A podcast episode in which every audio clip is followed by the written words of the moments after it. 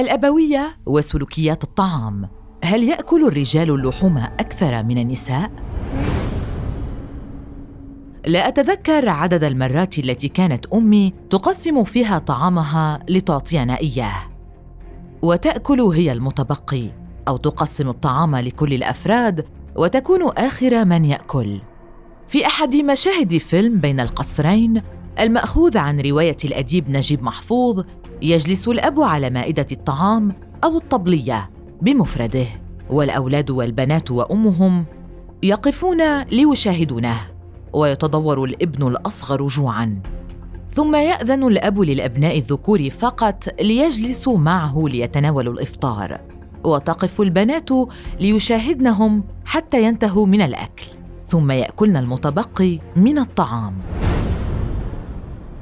والجدير بالذكر أن أحداث هذا الفيلم كانت قبيل ثورة 1919 لكن ما قد لا تعرفونه هو أن هذا المشهد يتكرر حتى هذه اللحظة بتنويعات مختلفة. ففي الأيام الأخيرة اشتكت بعض السيدات على موقع فيسبوك من أن أزواجهن يأكلن نصيبهن ونصيب الأولاد من الطعام ويتركون لهم الفتات. هذه الحكاية ليست فردية بل من كلاسيكيات الذكوريه شخصيا سمعتها من أشخاص في طبقات مختلفة إذ يأكل الأب بمفرده حصة أكبر من الأم والأبناء ويأكل الابن بدوره حصة أكثر من البنت وهو ما يصيب كثيرات من الفتيات بسوء التغذية. وذلك لأن الرجل أو الذكر يكد ويتعب في العمل. ويحتاج إلى الغذاء لبناء العضلات.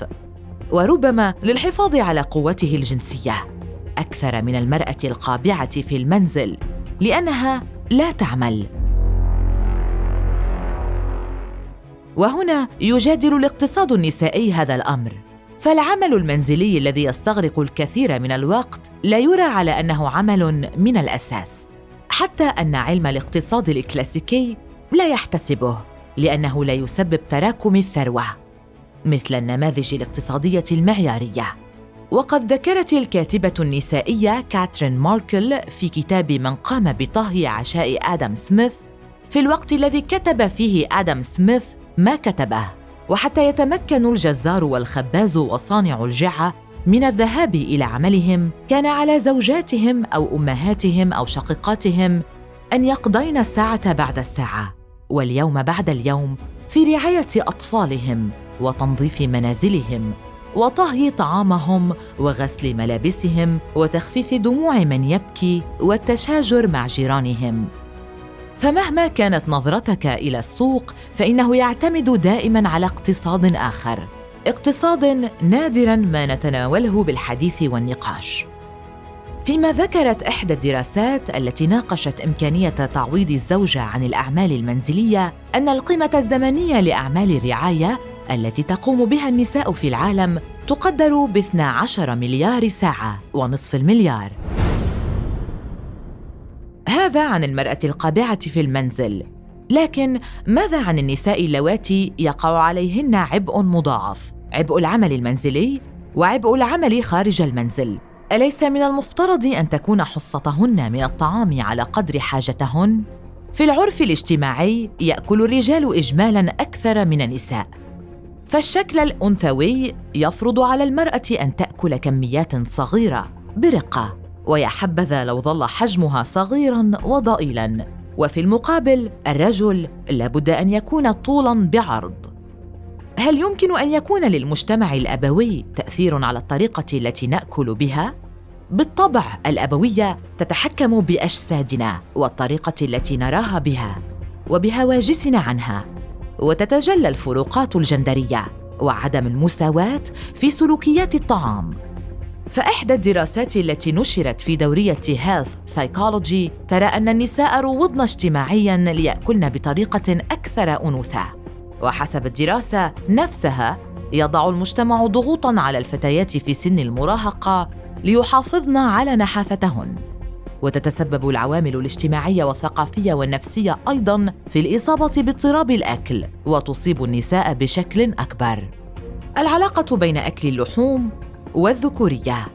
بالرغم من عملي في الصحافة العلمية لم أعلم بأن هناك علاقة بين الذكورية وأكل اللحم وأن الغذاء وسيلة للتعبير عن الذكورية. إلا بعد البحث عن سلوكيات الطعام من منظور جندري. فقد ارتبط اللحم تاريخياً بالقوة والذكورة والسلطة حتى أنه في الحرب العالمية الأولى كانت النساء يتخلين عن أكل اللحم لصالح المقاتلين الذكور. ويذهب البعض أبعد من ذلك فيرون اللحوم رمزا للنظام البطريرقي كما هو مدون في الثقافات الأوروبية والأفريقية والآسيوية. وقد وجدت بعض الأبحاث أن الرجال النباتيين ينظر إليهم على أنهم أقل ذكوره وإحدى الدراسات التي كانت بعنوان كيف يؤثر الامتثال لمعايير الذكورية المهيمنة على استهلاك الطعام للرجال والنساء. ترى أن هناك أكلات ذكرية أو مرتبطة بالذكور وأكلات نسائية. وبينت أن الرجال يميلون إلى تناول اللحوم أكثر من النساء. بينما تتناول النساء الخضروات والفواكه بشكل أكبر. وقد عدت الفواكه والخضروات والحلويات أكلات نسائية. لا أريدك أن تعتقد أنه ينبغي أن يأكل كل الأفراد بالتساوي. بالتأكيد ليس هذا المقصود. وبالطبع لا تتجاهل المساواة في الاحتياجات والفروق البيولوجية. فبالتأكيد يحتاج الرجال إلى البروتين أكثر من النساء.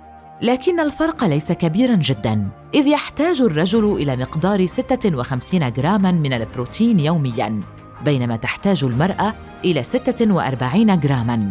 هذا عن الفرق البيولوجي لكن التفرقة التي تحدث هي مجتمعية بحتة.